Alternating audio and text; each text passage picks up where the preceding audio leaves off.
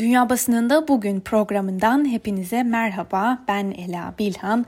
Bugün 8 Mart Dünya Kadınlar Günü. O yüzden kadın dinleyicilerimize özel bir mesaj vererek başlayalım. Dünya Kadınlar Günümüz kutlu olsun diyerek başlayalım programımıza.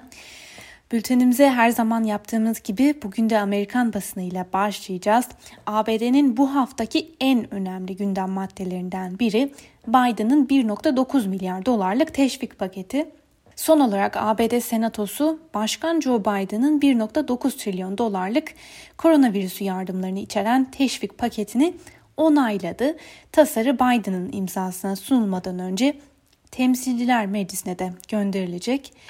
Burada da kabul edilmesi beklenen bu paketin 14 Mart tarihinden önce Biden'ın önüne gelmesi bekleniyor.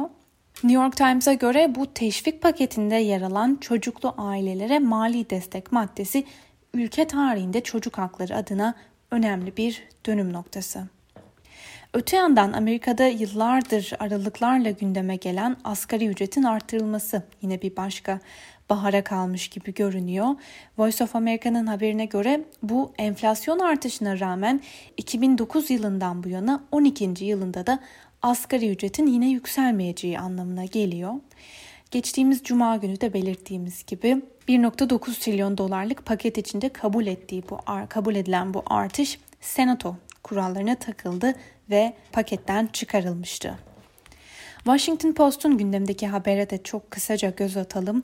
ABD'de George Floyd'u öldürmekten yargılanan polis Derek Chauvin'e 3. dereceden cinayet suçlaması yeniden yöneltilmişti geçtiğimiz aylarda.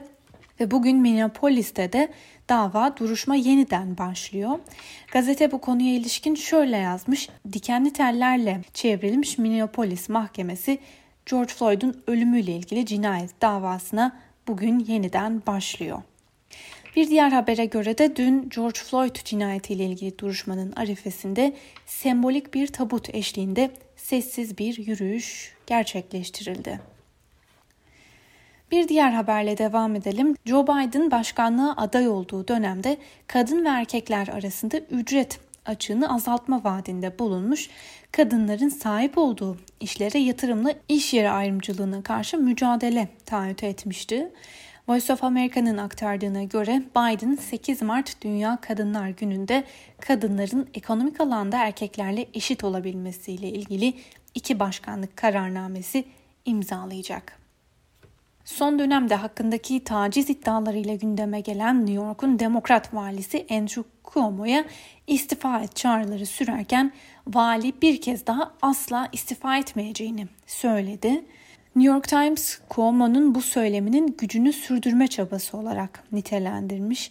New Yorklu demokrat siyasetçiler hakkında taciz suçlamaları bulunan New York valisi demokrat Andrew Cuomo'yu istifaya davet etti. Ancak Cuomo'ya göre istifa çağrılarına kulak vermek dahi antidemokratik bir eylem olur. Gazetenin bir analizine göre Cuomo bu son durum nedeniyle giderek yalnız kalmış durumda. Cuomo siyasi hayatının en büyük krizlerinden birinin üstesinden gelmek için azalan sayıdaki danışmanına güveniyor.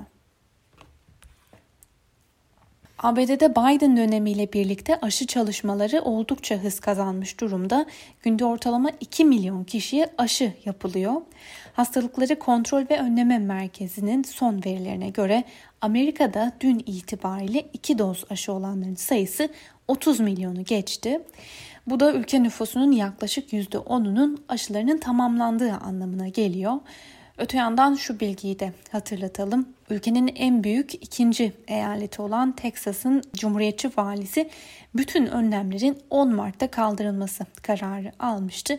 Bu da geçtiğimiz hafta özellikle Amerikan basınında oldukça tartışılmıştı. Amerikan basınının bir diğer önemli gündemini de aktaralım. Meghan Markle ve Prince Harry, Oprah Winfrey'in CBS televizyonda yayınlanan şovuna konuk olmuştu. Ve dün bu e, çok konuşulan röportajda yayınlandı. Hem Washington Post hem de New York Times gazeteleri röportajın dünyada ilgiyle izlendiğine ve açıklamalarında sansasyonel olduğuna dikkat çekiyor. Bu röportaj bugün İngiliz BBC'nin de gündeminde. Şöyle diyor BBC, Ülke basınında cumartesi gününden bu yana yayınlanan farklı görüşteki yazılarda bölünmeyi ortaya koyuyor. The Times gazetesinde röportajı ele alan bir yazı kalemi alan Janice Turner, genç neslin Meghan Markle'ı rol modeli hatta bir şehit olarak değerlendiriyor.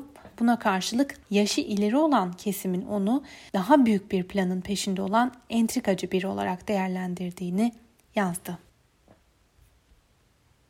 Guardian gazetesinden siyah bir yazar olan Afua Hirsch ise İngiltere medyasında Meghan Markle'a karşı ırk eksenli bir saplantı olduğunu ve son tartışmalarında bunu yeniden kanıtladığı görüşünü dile getirmiş. Buna karşılık Daily Mail gazetesi ise röportajı özetle şöyle değerlendiriyor. Hayal dünyasında yaşayan, kendi dramlarında sarhoş olmuş bir çiftin tek taraflı abuk subuk konuşmaları.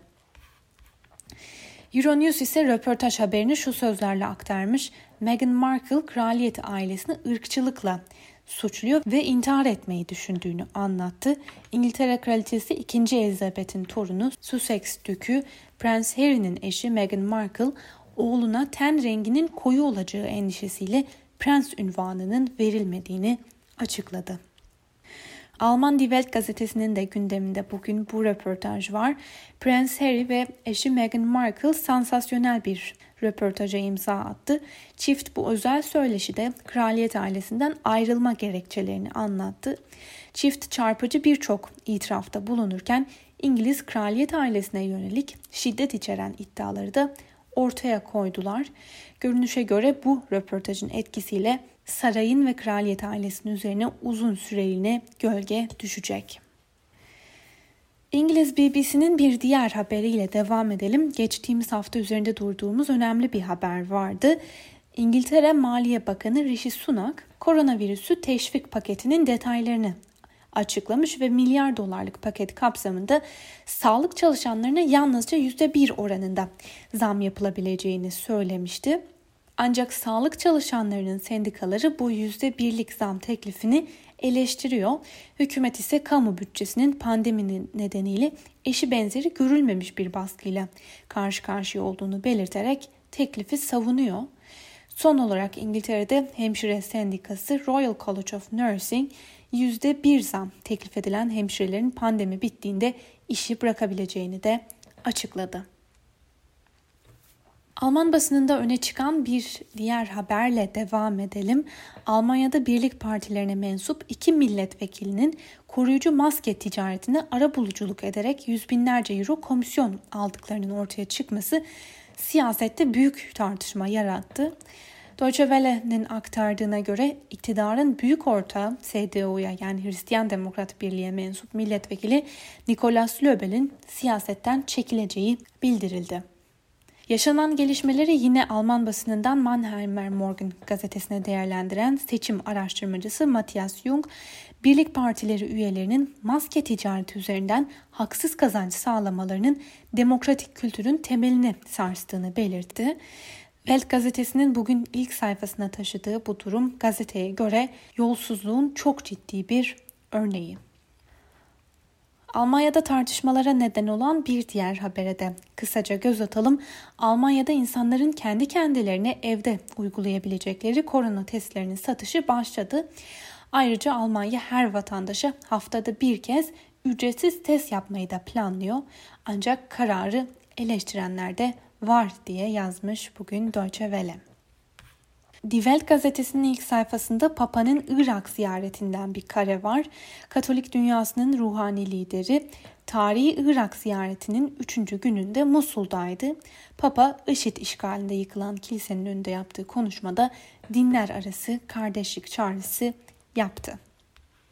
Fransız basınından Liberasyon, Papa'nın bu ziyaretini cesur bulduğunu yazmış.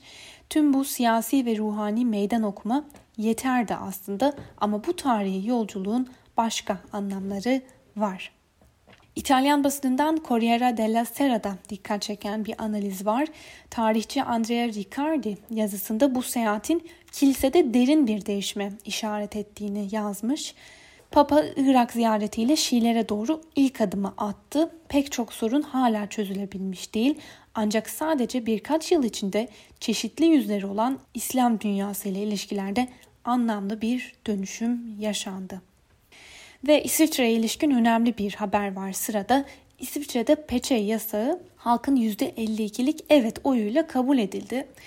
Nüfusu 8.6 milyon olan İsviçre halkının sadece %5'ini oluşturan Müslümanlara yönelik bir yasak daha referandumda geçti. İsviçre'de yapılan referandumda seçmenler yüzü tamamen örtme yani peçe yasağını evet inisiyatifini %52'lik oyla kabul etti. Böylece ülkede Müslümanların burka giymesi de yasaklandı. Fransız milyarder milletvekili Olivier Dossol Fransa'daki helikopter kazasında yaşamını yitirdi. Helikopterin neden düştüğüne ilişkin henüz resmi açıklama yapılmadı. İran basınına göz atalım. İran Savunma Bakanı Hatemi, İsrailli mevkidaşı Gantz'ın İran'ın nükleer tesislerini vurmaya yönelik planlarını güncellediklerini açıklamasının ardından olası bir saldırı durumunda Tel Aviv ve Hayfa'nın vurulacağı tehdidinde bulundu. İran basınından Pars Today'in gündemdeki bir diğer habere de göz atalım. Tel Aviv Türk okullarında Siyonizm karşıtı eğitim konusunda endişeli diye yazmış Pars Today. Gazetenin yorum köşesinde de ABD'ye ilişkin dikkat çeken şu sözler var. Amerika Soğuk Savaş ve özellikle de 11 Eylül saldırılarının ardından terörizmle mücadele bahanesiyle dünya genelinde savaş çıkararak gerilimleri arttırmış ve yüz milyarlarca doları bu alanda harcamıştır.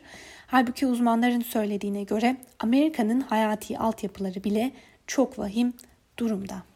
İran'da casusluk iddiasıyla 5 yıl hapse mahkum olan İran asıllı İngiliz vatandaşı Nazanin Radcliffe'in cezası doldu. Ancak başka bir suçlamadan hakim karşısına çıkarılacak olan Radcliffe İngiltere'ye dönemeyecek. El Cezire'nin gündemdeki habere de göz atalım. Myanmar'da darbe karşıtı protestolar sürerken polis şiddeti de artarak devam ediyor. Şimdiye kadar 50'den fazla protestocunun polis şiddeti nedeniyle ölmesinin ardından Avustralya artan ölü sayısı ve polis şiddeti nedeniyle Myanmar'a askeri destek vermeyi sonlandırdığını açıkladı. Avustralya geçtiğimiz ay darbe düzenleyen orduya yardım ve destek sağladığı söylenen 13 ülkenin arasında yer almıştı. Ve son dört haberimiz Yemen'de göçmenlerin tutulduğu gözaltı merkezinde bir yangın çıktı. Yangında 8 kişinin hayatını kaybettiği ve 170 kişinin de yaralandığı açıklandı. Ekvator Ginesi'nde askeri kışlada peş peşe meydana gelen patlamalar sonucunda 20 kişi hayatını kaybederken 600 kişi de yaralandı.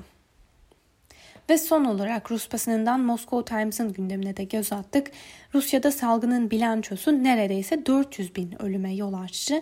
Moskova şu ana kadar süren salgın kısıtlamalarını ve önlemlerini adım adım kaldırırken yeni veriler 2021 yılında da eşi benzeri görülmemiş düzeyde ölümlerin devam ettiğine işaret ediyor. Sevgili Özgürüz Radyo dinleyicileri, Rus basınından aktardığımız bu son haberle birlikte bugünkü programımızın da sonuna geldik. Yarın aynı saatte tekrar görüşmek dileğiyle şimdilik hoşçakalın.